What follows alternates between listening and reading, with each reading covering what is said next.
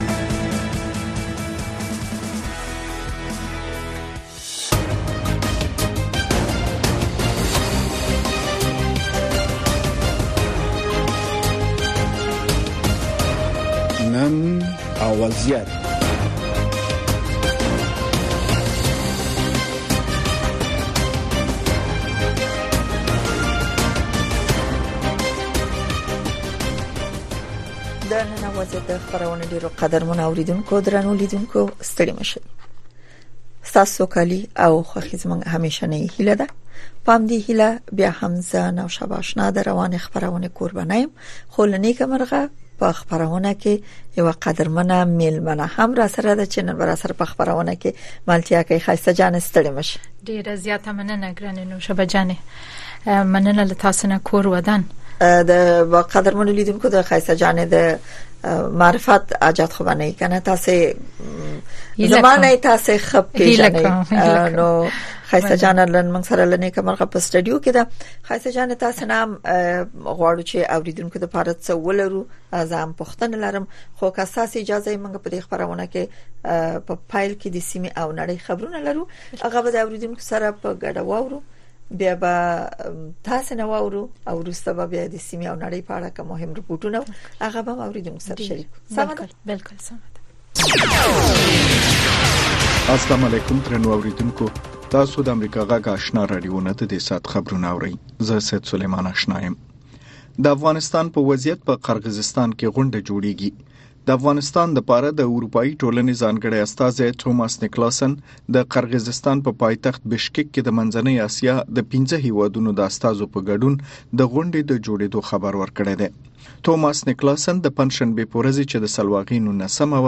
کابل کې خبريالانو ته ویل چې په دې جوړیدونکو غونډه کې به د افغانستان لپاره د منځنۍ اسیا د یو شمېر هیوادونو د ځانګړو استازو سره د افغانستان په وضعیت خبري وکړي ټاکل شوې د ملګرو ملتونو د عمومي منشي انټونیو ګوټیریش په بلنه د فبرورۍ د روانې میاشتې په 18 او 19 د قطر په پایتخت دوحه کې هم د افغانستان د وضعیت د ارزولو په تړاو یو بل غونډه جوړه شي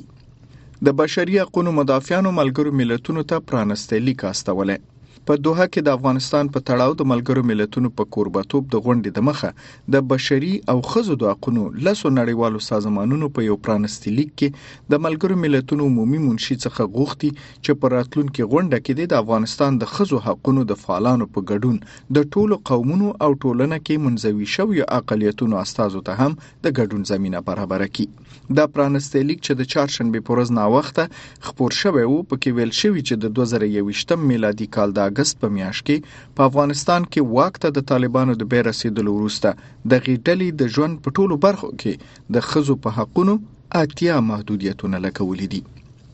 د امریکا جمهور رئیس وایي د افغانستان د مرکزی بانک شتمنۍ به کنګل پاتې شي د امریکا جمهور رئیس جو بایډن د چهارشنبې په ورځ د افغانستان د بشري بحران او لاغه څخه د پیدا شوی تهدید اړوند 14040 په نوم اجرایی فرمان د 2023م کال د فبرورۍ له 11 نیټې وروسته هم د اجرا وړ بولی د فرمان مهم ټکی د نوشابه آشنا په غږ کې اوري سپینې ماڼۍ د جمهور رئیس بایدن له خولې لیکلي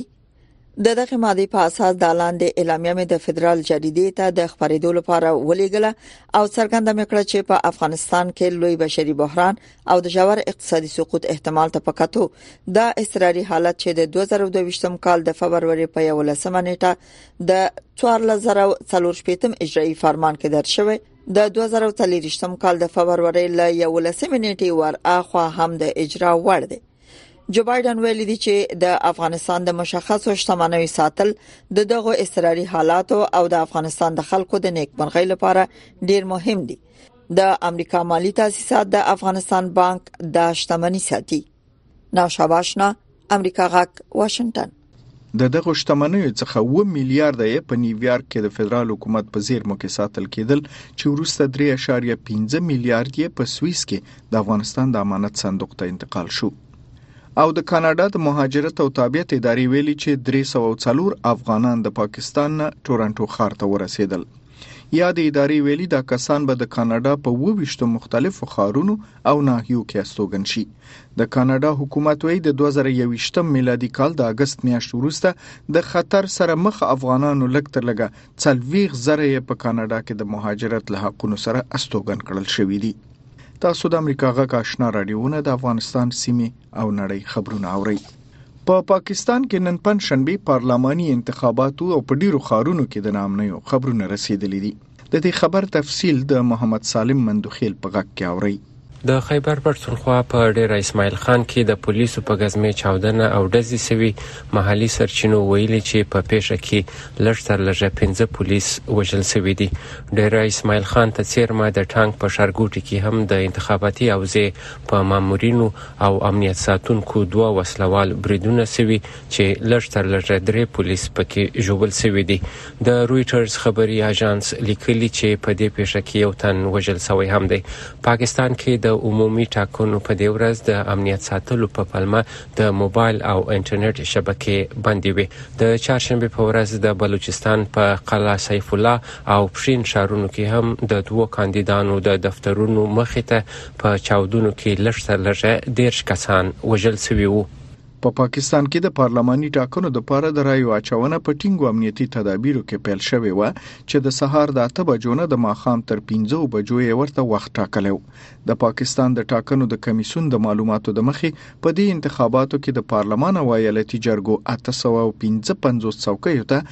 11814 کسان کاندید شوي وو د امریکا د بهرنیو چارو وزیر انټوني بلینکن نن پنځشنبه په تل ابیب کې او د اسرایل د امنیتي چارواکو سره لیدنې وکړې په لیدنو کې د اسرایل د ملي اتحاد ګوند رئیس بنی ګانتز او د پوز پخوانی مشر ګادي اسنکارت هم شاملو تر دې لیدنو یو ورځ مخکې د اسرایل صدر اعظم بنیامین نتنیاهو د بلینکن سره لیدنه لرله او د حماس ډلې لخوا وړاندې شوی هغه پلان یې رد کو چې په څو پړاوونو کې به د یوې روغې جوړې لمخې برمته شوي کسان تبادله شي د حماس او اسرائیل په جګړه کې تر اوسه په غزې تړانګه کې نږدې 28 زره کسان وژل شوي او ګومان کیږي چې لږ تر لږه سل کسان لا هم په غزه کې برمته ساتل کیږي او د امریکا مرکزی قومندانۍ د چهارشنبه په ورځ خبر ورکو چې ځواکونو یې په بغداد کې د ایران د ملاتړ ډلې کتایب حزب الله یو قومندان په هوایي برید کې وژل دی د معلوماتو په اساس دغه قوماندان په سیمه کې د امریکا په ځواکونو باندې د بریدونو مسولیت درلود د امریکا مرکزی قوماندانۍ ویلي چې دا برید د دریو امریکایي عسکرو د وژلو غچ اخیستل دي امریکایي ځواکونه وی په برید کې ملکی خلکو ته زیان نه دی رسیدلی د امریکا په مشرۍ د ائتلاف ځواکونه وی چې د اکتوبر لمیاشتې راهیسې تر اوسه پورې پرې یو سلو پنځه شپېته بریدونه شوي دي چې په عراق کې د مقاومت ډلې د اکثریت بریدونو مسولیت منل دی دا و د دې سات خبرونه درنو اوریدونکو لاملتیا مننه چې د سیمې او نړۍ خبرونه واوریدل لکه څنګه چې مې مخکې هم تاسو سره ژمنه کړې و زما قدرمن همکار شایسته جان دا اوس په سټډیو کې ده شایسته جان او خو خوشاله يم چې سټډیو کې هستي او لیدونکو مطمئنم چې اوریدونکو لیدونکو به خوشاله چې تاسو نن د رادیو سټډیو کې هستي شایسته جان یو مهم خبر نن دا و چې د بشري حقوقو زنو ادارو د ملګرو ملتونو د عمومي منشي ګوتیرشنه هیله کړې ده چې د دوه پراتلونکو غونډه کې چې د ملګرو ملتونو په نوښت او د دوی په مشر مشرۍ به یا قربتوب په دوه کې دا غونډه جوړیږي خزه تای په کې د پوره ونډه غوښتنه کړې ده نو البته دا یوازې د بشري حقوقو د ادارو غوښتنه نه و د څو ورځې مخکې په دې لاندو ورځو کې د خزو د سیاسي مشارکت شبکه هم ورته غوښتنه لرله چې هم خزه ته ونده ورکړ شي او هم باید د دا ډول غونډو جوړېدلو هدف د طالبانو د حکومت پر ځولي باید نور باسونه لا یو خبرې دي نو د خزو دغه غوښتنې به څه فکر کوئ نن تاسو د یوې مدني فعال سره یوې سیاسي شنن کې سره چې سیاسي چارو شنن کې و اورزلا نعمت که نوم غلط نکم سم نه کړم تاسو سره ملمنه و او ورته پښتنه هم تاسو لرلې دا ارتباط باندې چې د خزې د غوښتنې لري د ملګرو ملتونو نه تاسو څه پښتنه مطرح کړې هغه یې څه ویلې مهرباني وکړئ بالکل لکه څنګه چې تاسو ویل نوشابه جان نن په خبرونه کې مونږ د اورزلا اشرف نعمت سره خبرې وکړې میرمن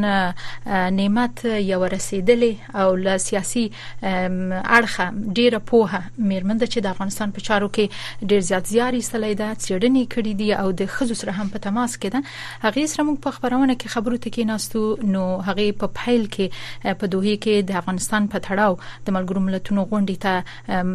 تر مخ کې داسې څرګندونې درلوده ویل چې تبلیغات ورته ډیر کیږي ولې دا چې په عمل کې به دا غونډه تر نورو څومره توپیر ولري دا اوس هم نامعلومه ده هغه دا اضافه کړه وی ویل چې تر اوسه هیڅوک په دې نه پوهیږي چې په دې غونډه کې د افغانستان استازیتوب څوک کوي او یا هم تر اوسه پورې د میرمنو لا ډګر څخه څوک پکې برخه اخلي او یا هم د افغانستان له خوا به مهمه غوښتنې څه وي نو بیا هم دومره ډیر ډاډ ونه خودل شو د هغې له خوا وای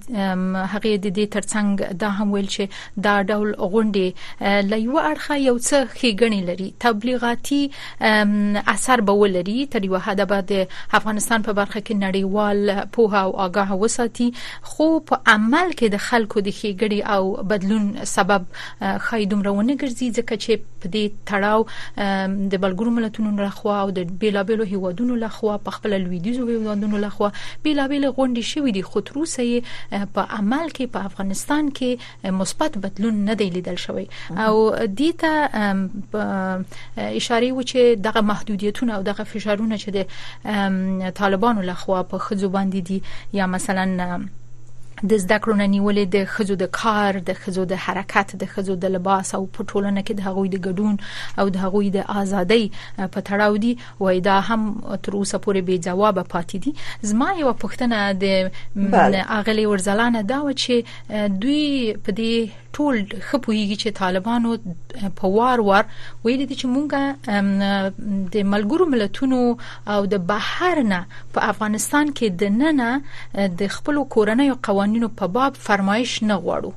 دوی د موږ باندې د بهر نه په افغانستان کې د ننه اصلاحات نه تطبیقوي او دا زموږ لپاره د منلو وړ نه ده او په دې برخه کې ډیر زیات حساسیت هم ښيي خو د هغه جواب دا و چې طالبان د خپل ځانونو نه پرته وایي د میرمنو او ولس په ګډون د هیڅ یو وګړي د حقوقو د پرجمن نه دي او د هر بلې مسلې په وړاندې دوی حساسیت ښيي نو یو څه تر ډیره حد د مثبت او وړاندوینه هم نه و د دې غونډې خو بیا هم ولیدل شي چې د ملګرو ملتونو لخوا به یې رول او د هغوی لخوا به یې ونډه څه ډول ولوبول شي بله یو څه د دوه اول غونډه ته په کتو یا نتایج ته په کتو خصوصا مېرمن ډېر یو رقم ناهیلي دي او ویریدلې دي چې خدای مکه بیا د دوی په غیاب کې به څه خبرې کیږي او څه نه کیږي همدا څه شایسته جان بالکل میرمنې اندېښمنې پدې دي چې تیر ځل هم د میرمنو حقونه تر پخو لاندې شول د دوه په کانفرنس کې تیر ځل چې د طالبان او امریکا ترمنځ لاسلیک شو زیاتره د امریکا غوښتنه دا و چې د افغانستان د خاورې نه بعد افغانستان به هر هیوادونو ته د تروریستي ګواښونو زمينه نه برابرېږي او طالبان به د دې مخنیوي کوي او همدارنګه د دې ترڅنګ القاعده سره د اړیکو قطع کولو چې اوس د شکونه په یقین بدلیږي ورو ورو بالکل او د داعش سره د مبارزې مسله هم و خو د بشري حقوقو یادونه پکې نه و شوې چې په هغه کې د میرمنو د حقونو خبره تر ټولو لمړی راځي چې زیاتره د نړیوال ټولنې خو ور باندې تاکید کیږي بله ډیره مننه شایسته جان د وخت ډیر تشکر دا غډیره مهمه موضوع ده بشري حقوقو سازمانونو چې د ملګرو ملتونو د عمومي منشینه پر راتلونکو غونډه کې د خزو د ونډې غوښتنه کړې و نو تاسو په تفصیلی وغه کې دی او د ملمنې نقل قول هم شریک ساستو کور ودانی ډیره مننه مننه لا تاسو نه هم د قدرمنو اوریدونکو نه مخخه ډیره مننه درنو اوریدونکو او قدرمنو لیدونکو اوس هم ستاسو پام رپورټونو ته راګرځوم افغانستان لپاره د اروپאי ټولنې ځانګړي استازی توماس نیکلز نیکلاس د قطر په پایتخت دوحه کې د افغانستان په تړاو د یوې غونډې د جوړېدو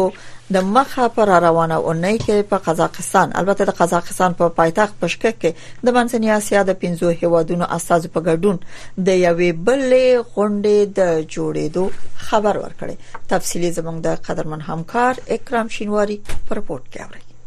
افغانستان لپاره د اروپای ټولنې ځانګړي استاذي توماس نیکلسن د پنځشنبه په ورځ کابل کې خبريالان ته ویل چې ټاکل شوی پر روانه ونه کې به د افغانستان لپاره د منځنۍ اسیا د 15 هیوادونو د ځانګړو استاذو سره په بشکک کې په یو غونډه کې د افغانستان په وضعیت خبري وکړي توماس نیکلسن د دوه زر روانې غونډې په اړه ویل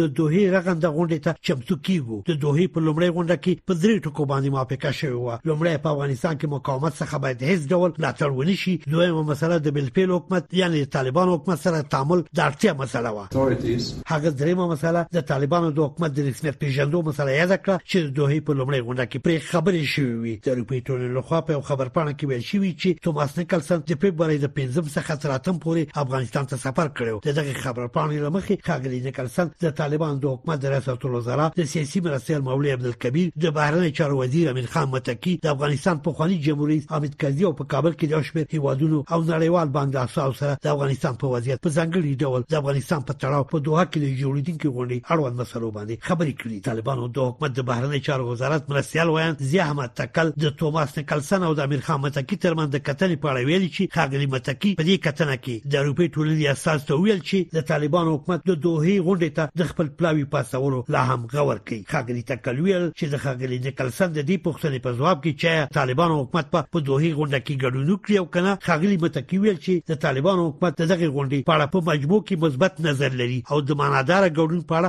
غور کوي همداشان د افغانستان په خواني جمهور رئیس حمید کرزي د ایکس په ټولنیزه شبکه کې لیکلي چې د توماس نکلسن سره په کتنه کې چې دغه ټولنې شارژ داپیرا میرمن راپیلا یو دي چې هم حاضر و د ملګرو ملتونو د امنیت د شورا د ویشت یویش پریکړه لیک په اړه چې لمخې په دوه کې د افغانستان په تړاو غونډه جوړیږي هم خبرې کړې دي د خاغلی کرزي دفتر ویلي چې په دې کتنه کې د ملګرو ملتونو ځانګړي همغږي کوونکي او خپلواک کرزونکي پریدون سنزرلی اوغلو په وړاندیزونو هم خبرې شوې د دغه دفتر د معلوماتو لمخې په خپل پریدون سنزرلی اوغلو هم د خاغلی کرزي سره د دوه د غونډې په تړاو خبرې کړې ټاکل شوې د ملګرو ملتونو د عمومي منشي انټونیو ګوتریش په بلنه د فبرورۍ د روانې میاشتې په اتلسمه او نولسمه د قطر په پایتخت دوحه کې د افغانستان د وضعیت د ارزولو په تړاو یو غونډه جوړه شي ملګرو ملتونو ویلي چې په دې غونډه کې به افغانستان لپاره د یو شمېر هیوادو ځانګړي استازي او نړیوالو سازمانونو او د افغان میرمنو او مدني ټولنو استازي ګډون وکړي ملګري ملتونه د دې غونډې جوړېدو حتی په دې اړه بحث کول ښودلي چې څنګه د افغانستان په اړه د خپلواک ارزونکي سینزر لیوغلو سپارښتنو ته د پاملرنې په ګډون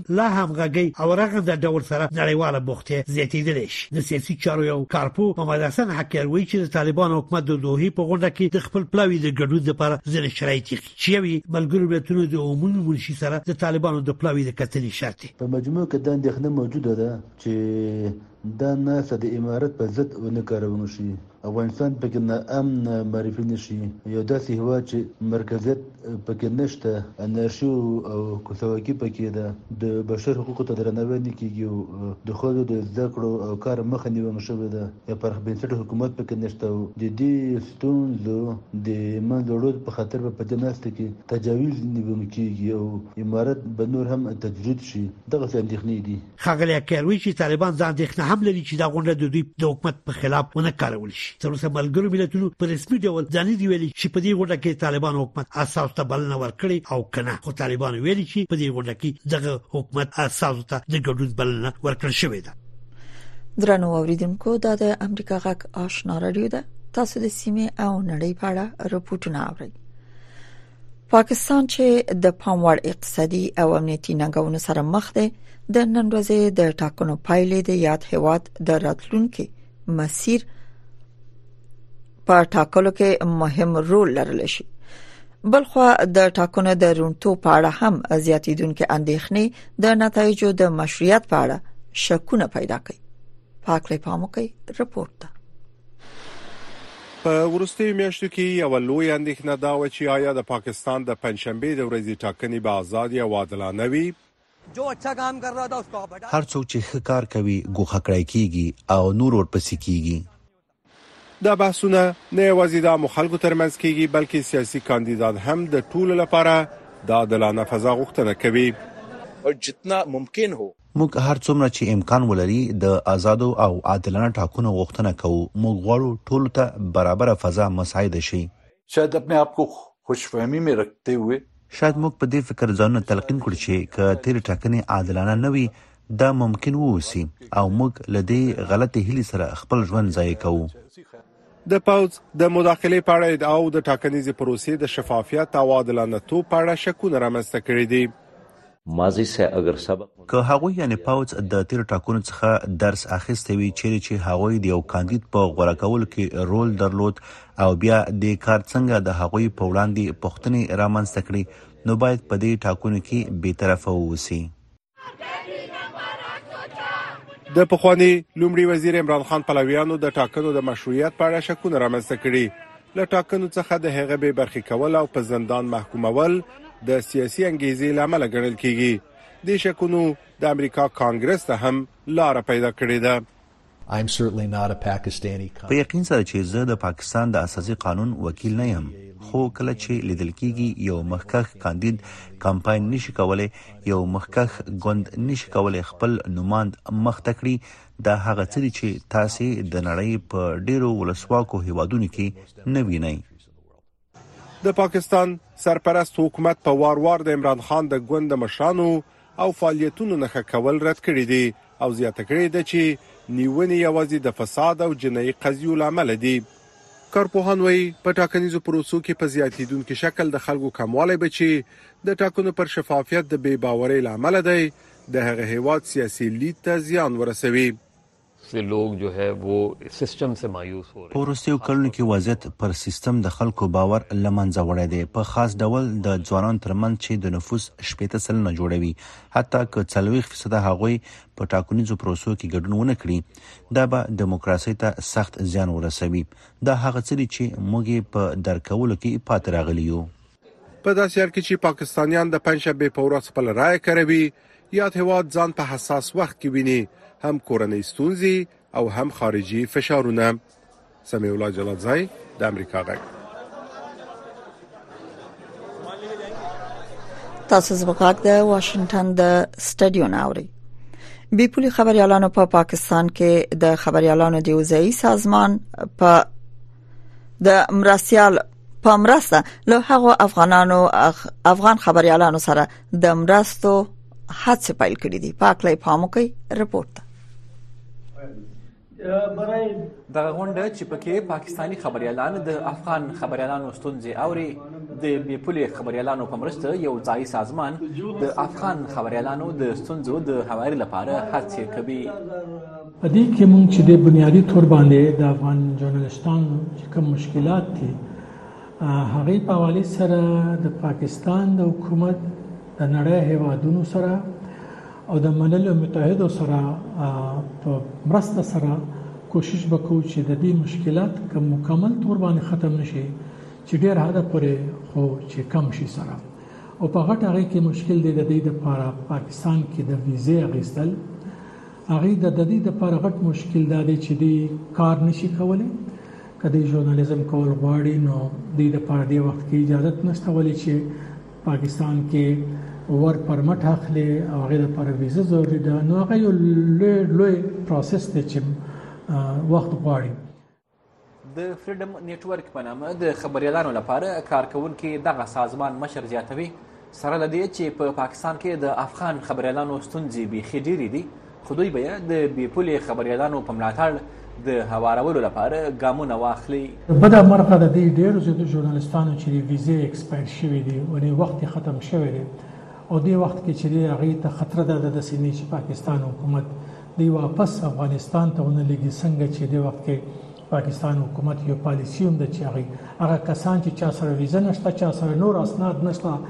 باید چې واپس لاړ شي خو موږ خوشاله پدې یو چې د پاکستان ولس مشر انوار الحق کاکړ په خپل یو اخباري بیان په تحریر کې بلکې چې کوم د برتانیې اخبار ته لیکلو هغه کې دا خبره غو تسلیم کړې ده چې هغه ګروپونه چې چا ژوند ته خطر ده هغه باید چې واپس اونه لګل لګل او په دغه ګروپونو کې ژورنالستان هم شمیرل شوې دي نو دغه وخت کې دغه لګه مونږ ته تمه ملاو شو چې پاکستان حکومت به هغه ژورنالستان ته ویزه ختم شوې دي یا ویزه نه لري نو هغه باید چې د خپل ژورنالیزم د وجې باید چې د هغه د ژوند ته د خطرې د سبب د وجې افغانستان ته به نه لګي په وروستیو کې چې ار اس اف کومه ناسته د خبریالانو سره لرله هغوی داسې تصمیم ونیو چې موږ به د خبریالانو لپاره د ویزو اسانتیاوې برابرې کړو او حد اقل په پاکستان حکومت به داسې فشار راوړو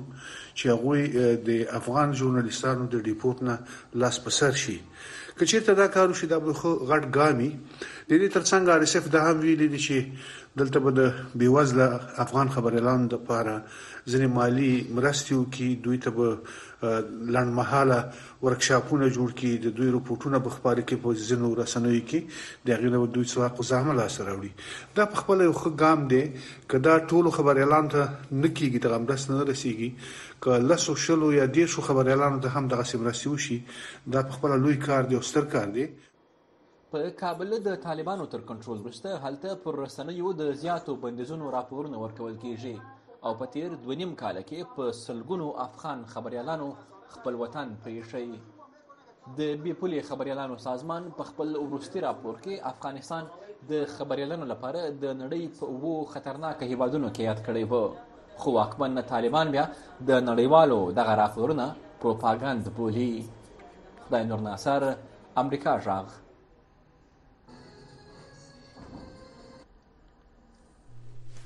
درنو اوریدونکو قدرمن لیدونکو د نن وضعیت خبرونه ورسته شي بي دي ډیره مننه چې تر دې شي بیا هم تاسو ملتیا وکړه خپل خبرونه او اوریدل په خبرونه کې موږ سره قدرمن همکار شایسته جانم و چې په هغه اسولې لیکه خبرې وکړلې د ملمنې نظر هم شریک تاسو سره چې د ملګرو ملتونو د سرمنشينه د بشري حقوقو سازمانونو غوښتنه کړې و چې په راتلونکي غونډه کې چې البته د افغانستان په تړاو چې کومه غونډه په دوحه کې جوړیږي په هغه کې خزه ته پوره ونده باید ورکړ شي او د هغه ونده پکې باید معلومه نو د ملمنې نظر هم شریک مونږ سره د هغه نه هم مننه کوو قدرمنو اوریدونکو او درنو لیدونکو راتلونکي خبرونه د تاسو غا کې صداي شما خبرونه ده چې زموږ د درنو همکارانو په قربتو به تاسو ته وړاندې شي البته موضوع بیا هم د پاکستان د پارلماني ټاکنو ده چې تاسو نه په دې اړه هم نظر اخیستل کیږي چې په پاکستان کې د پارلماني ټاکنو اغیزه په افغانستان څه نو ورته نورې پوښتنې به می ساس نظر پکې شرط دی قدرمن همکاران په سټډیو کې دي زه تاسو نه اجازه اخلم شپې ورځ نیکمرغه بیا هم د امریکا غاک آشنا رادیو د خبرونو اوریدونکو او لیدونکو اوسئ کورم ودان